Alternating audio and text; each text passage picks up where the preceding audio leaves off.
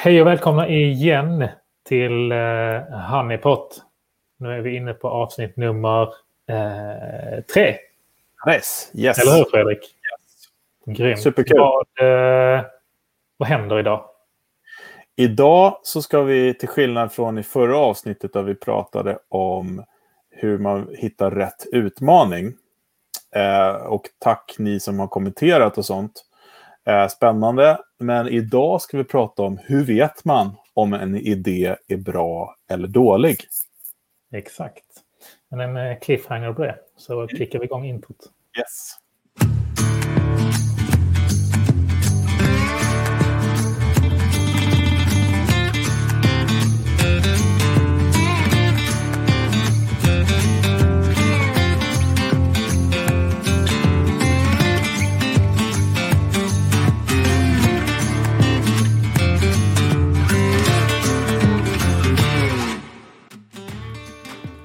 Pannkakor.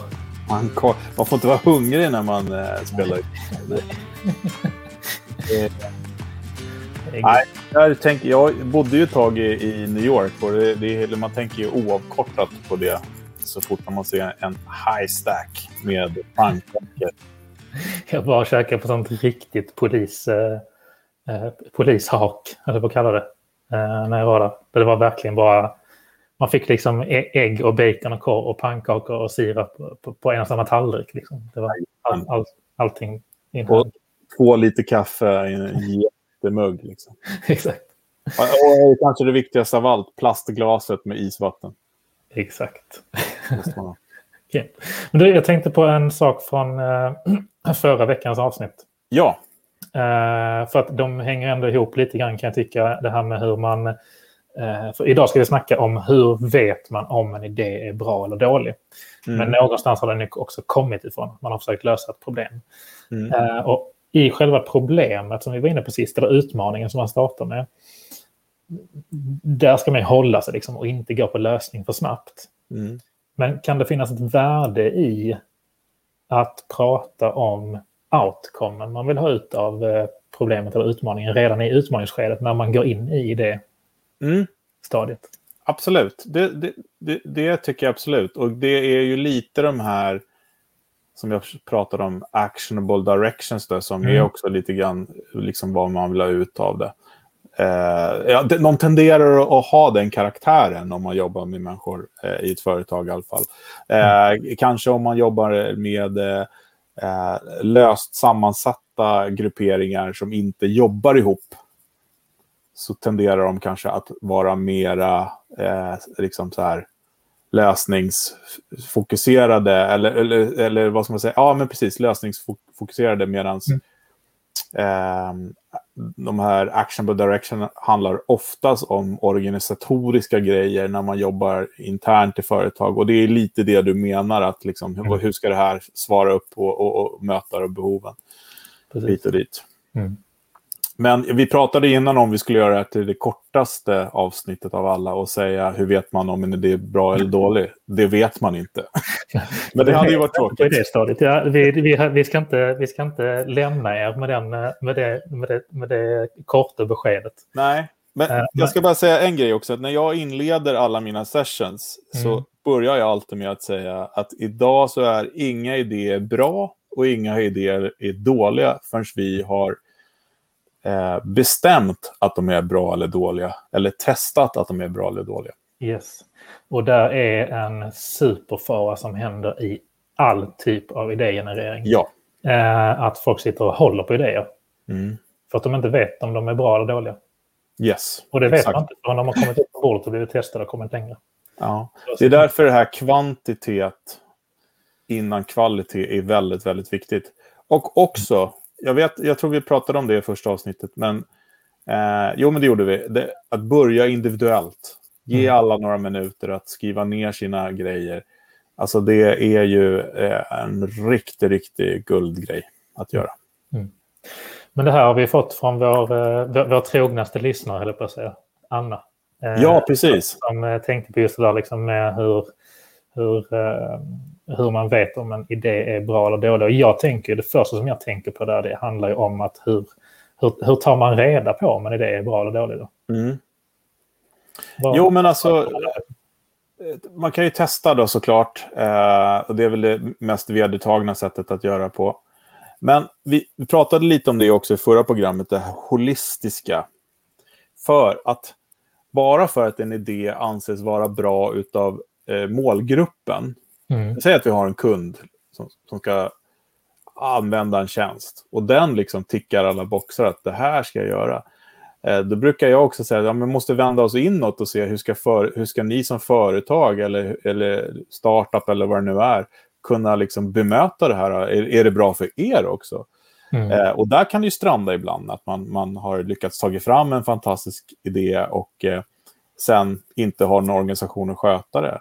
Och jag vet, e, e, exempel är till exempel Oscar Properties vet jag, och nu får om någon från dem lyssnar och säger att jag har fel så får ni gärna eh, kommentera, men anekdoten då är att de är ju väldigt progressiva och testar nya saker. Bland annat så provade de att ha en chark liksom, i ett av sina byggen. Eh, gick som tåget vad jag har förstått. Men sen så la de ner det efter ett år för de har ingen organisation att ta hand om det. Mm. Och det här är också en klassisk grej. att eh, En bra idé för kunden behöver ju inte vara bra idé för företaget. Så det kan vara bra att kolla upp det liksom, innan. Och vi berörde det lite sist. Men, Mm. eh, men testa är liksom, det är det man kan eh, ha och, och, luta sig mot. Och det, det är jäkligt svårt. Mm. Ehm, sen vet jag också, jag jobbade på en PR-byrå som heter Young Relations. eh, och där hade vi en saying att en idé ska vara eh, självklar men oväntad. Det är också oftast väldigt bra grejer, lösningar. Det är också lite talande för just eh, liksom idéer i innovationsspåret. Att det handlar inte bara om att optimera eller justera någonting litet. Och det handlar heller inte om att, liksom, om att komma på en idé bara för att den ser cool eller häftig ut. Utan att den, liksom, ja, att den verkligen sticker ut också. Ja, eh, ja precis. Eller, eller känns så här, ja men det här var ju självklart. Jag menar, vi ser sådana saker ibland. Ja, men har man inte har tänkt på det här, det var ju liksom så här, ja men det är helt självklart. Swish liksom. Mm. Nu var inte det så för att det hade funnits på andra marknader och andra länder förut, men när det började komma hitåt så var det så här, oh shit. Liksom. Och jag bodde utomlands då, så när jag kom hem och, och både mobilbank-ID och, Swish hade kommit på plats, det var ju som himlen. Jag hade tillbringat liksom två och ett halvt år i USA med att rabbla min mammas maiden name tusen gånger varje gång de spärrade mitt kort. Och det gjorde de dagligen. Eh, man fick liksom, ja, vad hette din katt? Vad gick du för skola? Alltså, det var enda sätt att verifiera sig på där. Det var helt sjukt. Liksom. Eh, så att, men de här självklara grejerna som är, är, är sådär, ja, fan vad smart. Liksom. Det är Mm. bra idéer. Eh, men men de, är, de växer inte på träd. Nej. Men du, apropå, eh, apropå USA. Mm. Eh, Google vet jag väl, de, eh, som, som du har, har jobbat inom också, Mm. har väl till och med någon form av så här, eh, trio. Liksom. Är det bra för... Vad säger de? Är det bra Ja, för men oss? precis. Det De säger, eh, när jag var där i alla fall, det Mm. här är, jag eh, slutade där för ja, om det är sex år sedan. Eh, Mm. De har, eh, när jag jobbade på något som heter Creative Lab, som var liksom eh, Googles musa. Nu har de Google X och de har massa andra sådana, men då var det det, Creative Lab hette det, den avdelningen. Och eh, man skulle liksom, vår uppgift var att hela tiden eh, komma på nya grejer helt enkelt. Ganska kul. Eh, men då var det så här, när man kom på en grej, då skulle det viktas mot eh, tre stycken parametrar som man var tvungen att ha åtminstone två av. Är det bra för användaren? Är det bra för Google? Är det bra för världen? Mm. Hade man inte två av de tre, då parkerar man idén. Och det här är också en grej viktigt. Så tack för den volleyn. Eh, för den hade jag på, på listan att jag skulle ta upp. Det var så här. En, en bra idé handlar ju så mycket om timing också. Mm. Och en idé behöver inte vara bra just nu, men du ska aldrig kasta de här idéerna. Du ska spara dem i din i liksom, pi- Pippi-väska tills när du behöver det. Liksom. Då ska du kunna ta upp den. Och ett Spara exempel... Hives. Det, exakt, varför inte verktyget Hives? Precis. Eh, tack, den virtuella Pippi-väskan. Exakt. Guld, guldpengarna. Tack för den slogan. Ja. Varsågod. Eh, nej, men eh, att... Eh, jag, var där, jag, var på, jag var där lite över ett år och vi jobbade var, ungefär i cyklar om, vi säger att vi höll på med tre, två, tre grejer samtidigt, jobbade i cyklar om fyra veckor kanske med någonting och tog fram idéer, satte kött på det, gjorde business case, liksom skalbar och kollade proof of concept och sånt. Det tog ungefär fyra veckor och sånt. Mm. Man hade ju ganska mycket resurser då, men vi var ett core team på tre personer en, eh, som, som liksom ledde allting. Eh, men då fick vi in en förfrågan från liksom, eh, huvudbolaget då, så att säga, att vi skulle titta på eh, Google for Kids, för de började ändra reglerna för um, ja, det är 13 år var det ju för att använda mm. liksom, Google Hangout då, hette det ju. Liksom. Ja, men var det på grund av det här med alltså, hur, hur man samlar data och annat? Ja, men det var så. Facebook och alla de här också. Mm. Det måste vara minst 13 år. Eh, mm. Men då om man skulle ta fram en specifik produkt då för Google, eller för, för Google, men för barn då. Jag menar YouTube och alla de här grejerna. Mm. Och, eh, det, det fanns något spännande där att titta på. Hur, hur gör man en kurerad värld för under 13 helt enkelt. Mm. Och då hade ju vi den här skattkistan. Pippi-väskan, alltså det var ju bara att öppna upp den och eh, byta namn på saker och ting, eh, mm. ändra lite karaktärer så att det var lite mer barninriktat. Men eh, det var ju en betydligt snabbare process och vi hade var uppe i speed direkt. Liksom. Mm. Vi har, vi har en, en kund till oss som, som faktiskt har det som en del i deras idé eh, liksom workflow. Att det, mm. finns liksom ingen, det finns liksom ingen status eller inget steg som är eh, nej. Eh, mm. Eller declined, liksom. utan mm. det, det, finns en, en, en stat, eller liksom en, ett steg som heter not for now. Ja, precis. Eh, som liksom är, blir deras, liksom, den här Pippi-väskan som du beskrev. Ja. Eh, Nej, men, och, och, jag, och, jag, vet bara liksom psykologiskt när man gör sådana här designsprintar och sånt som, som jag håller på med. Jag drev ett bolag eh, ihop med en kille som heter Joe Coppert som heter Another Tomorrow. Och Joe driver det fortfarande. Jag valde att hoppa av och sälja min del till den nuvarande vdn som heter Staffan. Eh, de är fantastiskt duktiga och det går skitbra för dem. Så jätte, jätteroligt. Eh, Eh, och bra jobbat killar eh, och tjejer där borta. Eh, men vi hade en liten mall som hette ID Parking. Som var bara en, en ruta på ett vitt papper. Eh, där man kunde sätta de här eh, post-it-lapparna som inte klarade selekteringen. Och, det, och, och, på något sätt, psykologiskt sett, så var det som att ja, men de var fortfarande med i leken. De var bara där och parkerade. Och, och, när man kom ner då till, vi hade ett moment som jag fortfarande har med när jag jobbar idag som handlar om så här, okej, okay, nu har vi idén, hur kan vi skala den? då har vi skalningen som sitter på den här parkeringen och väntar oftast eftersom de svarar på samma brief. Så att, eh, ja, kasta aldrig idéer.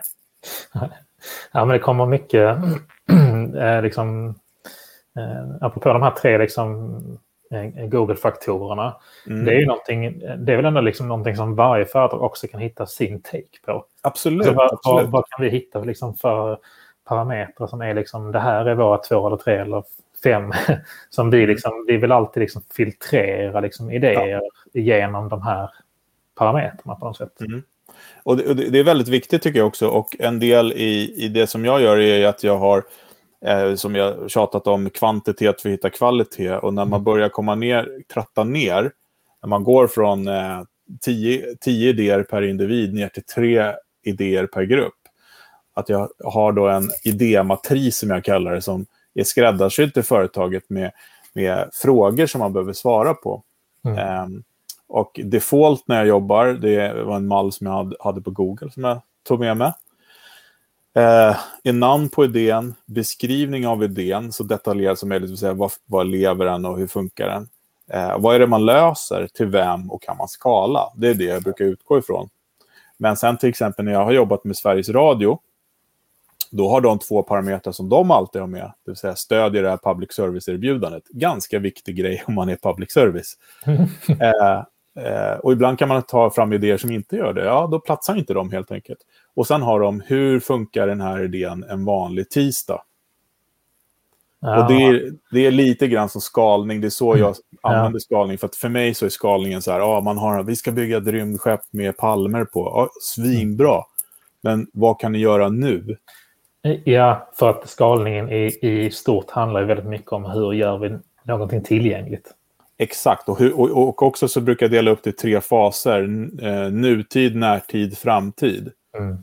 Eh, och säga, okej, okay, vad kan ni göra nu? Låt säga, eh, som vi pratade om i förra avsnittet, så pratade vi om eh, framtidens kundtjänst. Ja, men om vi ska göra en, en lösning idag där många människor kan interagera och hit och dit, ja, men det blir oftast en, en, en app, liksom. Eller någon form av chattbot i något flöde kanske. Mm. Men vad kan den vara i framtiden? Liksom? Och, och, det, och det kan vara huvudidén, men då jobbar man bakåt. Liksom. Mm. Du och jag, vi ska ju starta ett flygbolag som går på el, men vi gör t-shirtar till att börja med, där vi gör uppror mot, mot flygfotogen. Det är liksom våran, vårt första steg. Där kan vi snacka om moonshot alltså. Ja, i Clubhouse. Ja, exakt. Överallt. Hallå du, moonshot. Visst, he, alltså, är inte det här för, för bra för att vara sant?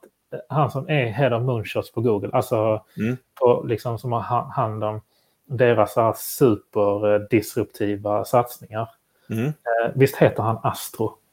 Astro Teller, precis. Ja, det är... Alltså jag, jag trodde de drev med mig när jag läste. Nej, han, han är väldigt energisk herre. Astro Teller, precis. Head of Moonshots på Google X. Och så heter man Astro. Det, det är Ja. liksom... Ja. Jag vet inte om Men han bytte apropå det, det, det var också en bra segway för att där kan jag rekommendera. Han hade alltså ett, eh, en keynote på South by Southwest för några år sedan. Okej. Eh, som hette det här, eh, det var temat Fear of Failure. Och det handlar just om det här med bra idéer. Och han går igenom när han hade, eh, han har ju haft jättemånga startups bakom sig innan han kom till Google. Eh, men att de, de eh, tidigt stadie så tog de fram en, en väst som kunde monitorera liksom, det som en mobiltelefon kan göra nu. Men det här var ju då många, många år tidigare. Eh, en, eh, deras målgrupp var eh, seniorer, alltså gamla människor. Eh, det var en väst som man satte på sig som monitorerade då din hälsa och eh, kunde då förutspå hjärtinfarkter och såna här saker. Mm. Bara med hjälp av datat. Det, det är typ som en, en va- en vanlig mobiltelefon klarar idag, men vi använder inte det tyvärr. Men den skulle klara av det. Och de tog fram produkten och allting sånt. Men sen när produkten var klar gick de ut och frågade målgruppen. Vad tycker ni om den här? Och alla bara, nej. Vadå, ska ni inte, vilja- den kan ju rädda ditt liv. Nej. Men om du, om du kan flyga med den då? De bara, nej, inte då heller. Och då visade det sig vara, titta på den, han berättar ju det här själv mycket, mycket bättre. Men att eh, kruxet var att de inte ville ha en produkt som man var tvungen att ta av sig till bar överkropp Mm. för att sätta på och av. Så det var liksom hela grejen. Så det var bara in i garderoben med den idén. Ja. Några miljoner dollar senare liksom. Ja, men det, det är intressant hur den, hur den sociala faktorn spelar så stor roll där. Mm. Alltså det, det kan ha, i sig så kan en idé- eller en produkt eller en tjänst ha, ha ett eh, helt enormt värde. Men finns Mm. det liksom sociala begränsningar i den? Att man, att man eh, eh, liksom inte känner sig stolt med den, med den med sig eller att köpa den. Eller kanske till och med att man skäms för det eller att man tycker Mm. någonting är så här, Mm. eh, obekvämt. Eh, Jag, jag, Ja, jag kan också tycka så här att en, eh, en bra idé ska inte heller behövas pressas ner i halsen likt en tvångsmatad gås. För, eh, för det tycker jag man ser ganska ofta också. Man Och det har är liksom-. Vad sa du? Man har jämförelse. Ja, jo, men jag, jag tycker man ser den allt för ofta tyvärr. Och, då är det, och jag, vet, jag, jag, känner ju till processen, jag har ju själv varit med flera gånger. När man har jobbat med någonting så himla länge och så börjar det närma sig lansering och så får man reda på att fan, det här är inte bra. Och, och det du gör då, det är att du petar in fem miljoner kronor till. för att försöka rädda det. Och då liksom, eh, det, det, det, jag har varit med om det så många gånger. Gör Liksom. det ännu mer åt pipsvängen. Ja, faktiskt. Precis. Eh, Men alltså eh, för, för att relatera det lite grann till vårt förra avsnitt. Handlar inte det ofta om att man eh, inte har valt ett problem som är värdefullt nog att lösa? Jo, man har, ju inte, man har inte tagit reda på om någon vill ha det. På, Nej. man har lagt alla ägg i en korg och så kör man på, även om det bara är liksom äggröra där i, Mm. eh, så bara, äh, men fan, vi lägger ner några ägg till, det ska gå liksom. Och Mm. det här är också lite så här, ja men vad säger man, det här uthållighet är ju också en jätteviktig ingrediens när man jobbar med innovation. Det Mm. vet vi. Alltså det handlar stånga, stånga, stånga, stånga. Till slut så går stängslet upp och du är fri liksom. Men du måste ju på något sätt kolla där, där du liksom där du står och stångar då, att det inte är en så här 20 meters betongvägg så du kan liksom, du kan väl välja ett trästaket istället. Alltså förstår vad jag menar? Så att, det, det, är, det är både du ska fortsätta och vara, men det måste också, det, det, vi pratade om det, det sista, att det här med att våga ha fel och att våga, mm. våga uppdatera sin, sin brief eller sin problemställning. Eh, det, det, är det det handlar om och det är också det som kommer utröna om idén blir bra eller inte. Mm. Och det är svårt, vi vet ju det alla som har jobbat med det här. Och, um, att det är kompromiss. Man, man jobbar med kompromisser. och det är ganska roligt. Jag jobbade på Berg School of Communication. Jag var programansvarig där för Art Copyright-programmet för, innan jag åkte till USA då och började jobba mm. på Google. Och då var det allt det här med, portfolio och så hit och dit. Hur visar man på sin kreativitet? Hur visar man att man är bra på att ta fram idéer? Eh, och då kommer man och så visar man lösningarna hit och dit. Så jag säger så här, det är helt ointressant för mig att se din lösning. Jag vill se den stora idén du hade innan du började kompromissa ner den till vad det är idag. För alla som har jobbat med ett kreativt yrke vet att man har den stora idén och den blir liksom mindre och mindre och mindre ju längre den kommer. Det är, det är pengar, det är politik, det är tid, det är massa sådana saker. Eh, så därför tycker jag, ni som tittar på portfolio, fråga istället hur de har kommit fram till den här eh, produkten, idén eller taglinen eller vad det nu kan tänkas vara. Det är mycket intressantare tycker jag. Mm. Verkligen. Men en, eh, eh, ett sätt liksom att, då att liksom ta reda på, för någonstans har vi ändå landat i liksom, hur, hur vet man om en idé är bra eller dålig? Det, mm. det vet man inte. Utan Nej. man måste börja med kvantitet ja. för att sen kunna kvalificera ner till kvalitet. Mm. Eh, men, men vi har pratat om det här med, med äh, att kvalificera genom de här frågorna. Mm. Äh, exempel som vi drog som du berättade mycket om där kring, kring Google också, att alla mm. företag kan hitta sin, sitt sätt att hitta de där kvalificeringsfrågorna. Ja, verkligen. Ja. Vad, vad, vad finns det mer för saker man kan Nej, men man kan sätta upp mål såklart, KPI och det är väl det som hela innovationssvängen nu eh, tampas med. Att, eh, och det, jag tycker att det är bra faktiskt, för att kunderna har ju förstått att det här är inte bara roliga workshops eller vad det nu är, utan det här är något livsviktigt. Mm. Och då begär de också, vad har ni för KPI på det här? Alltså vad är det för Key Performance Index? Vad kan vi förvänta oss? Vad är det för leverans? Hur mäter vi att det här initiativet verkligen har, har, har betytt något? Mm. Och det är likadant där. Det går att sätta upp mjuka kopior också som att ja, men, vi ska känna pepp eller vi ska göra det här. Men det går ju också att ha så här, ja, men vi ska sälja tusen enheter innan årsskiftet. Mm. Och, och, då är det ju bara att stånga på tills man gör det. Liksom. Mm. Eh, och då, då kommer idén verkligen få bekänna färg liksom, och troligtvis ha många skepnader tills den kommer dit. Ja. Det är ju någonting som vi måste det måste Ett vi ta avsnitt för sig. KPI och mättal i innovation. För det är, ja. det är verkligen på... Du är inne på någonting där. Alltså det är verkligen, jag känner det är på alla släppar. Mm. Liksom alla, alla har gått från att man, ska, man måste jobba med innovation till att hur, hur, hur fanken tar vi reda på om vi gör rätt saker eller om, ja. eller om det leder till någonting. Absolut. Men eh, faktum är att en av mina favoritfunktioner i er plattform Hives är ju viktningen där. Yes. Den, den är, det är liksom en liten komponent som ni har fått in där som är väldigt, väldigt viktig i det här vi pratar om.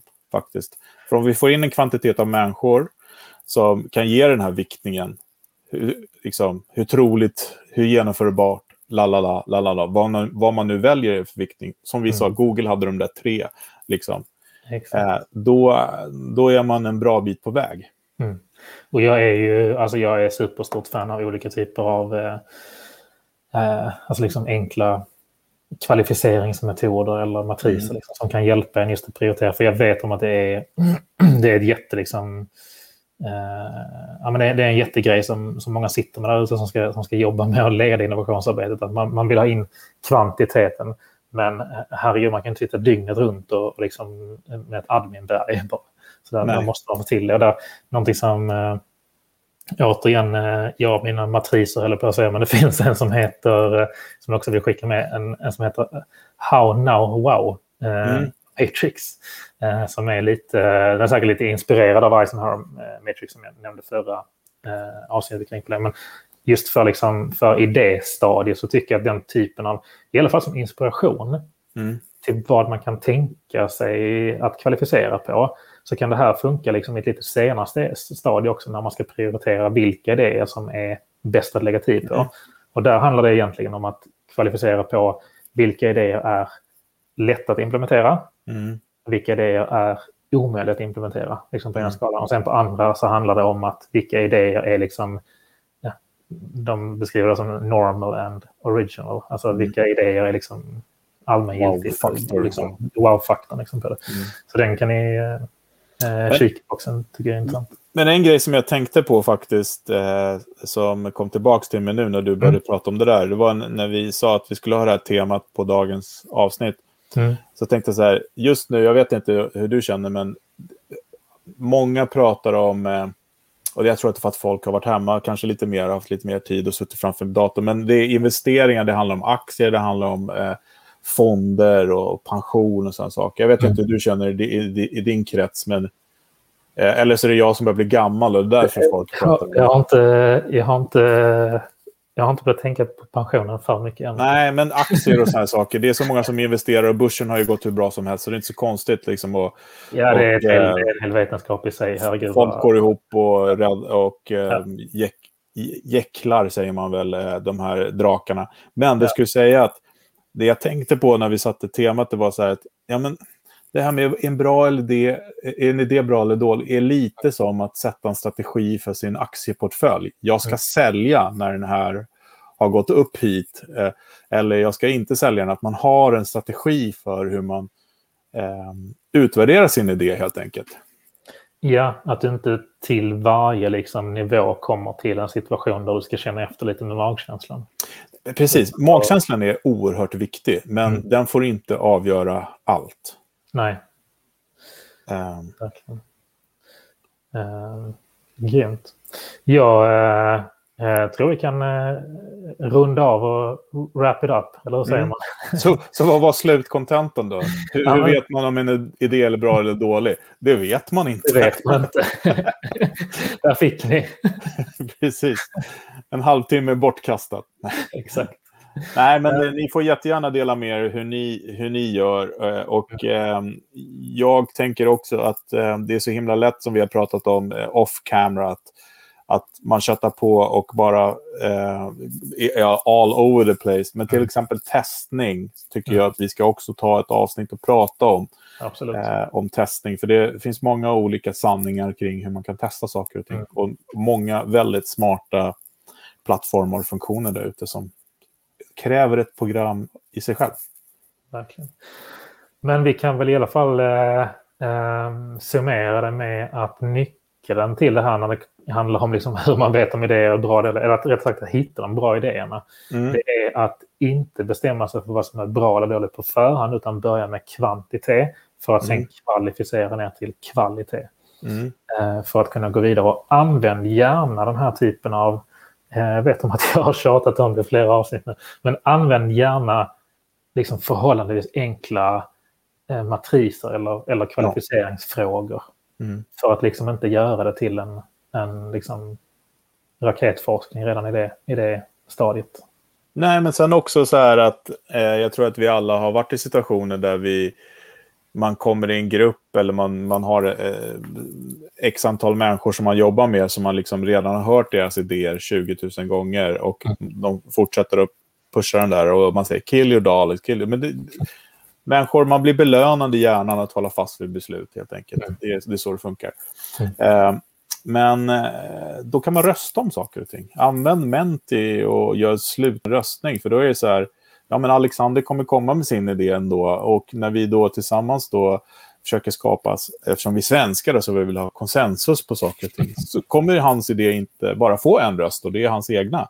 Helt Mm. enkelt. Och då kan man eh, parkera och gå vidare bara helt enkelt. Jag tycker det är skitbra sätt att på prickrösta eller Menti eller vad man vill. Verkligen. Grymt. Men vi, Ja.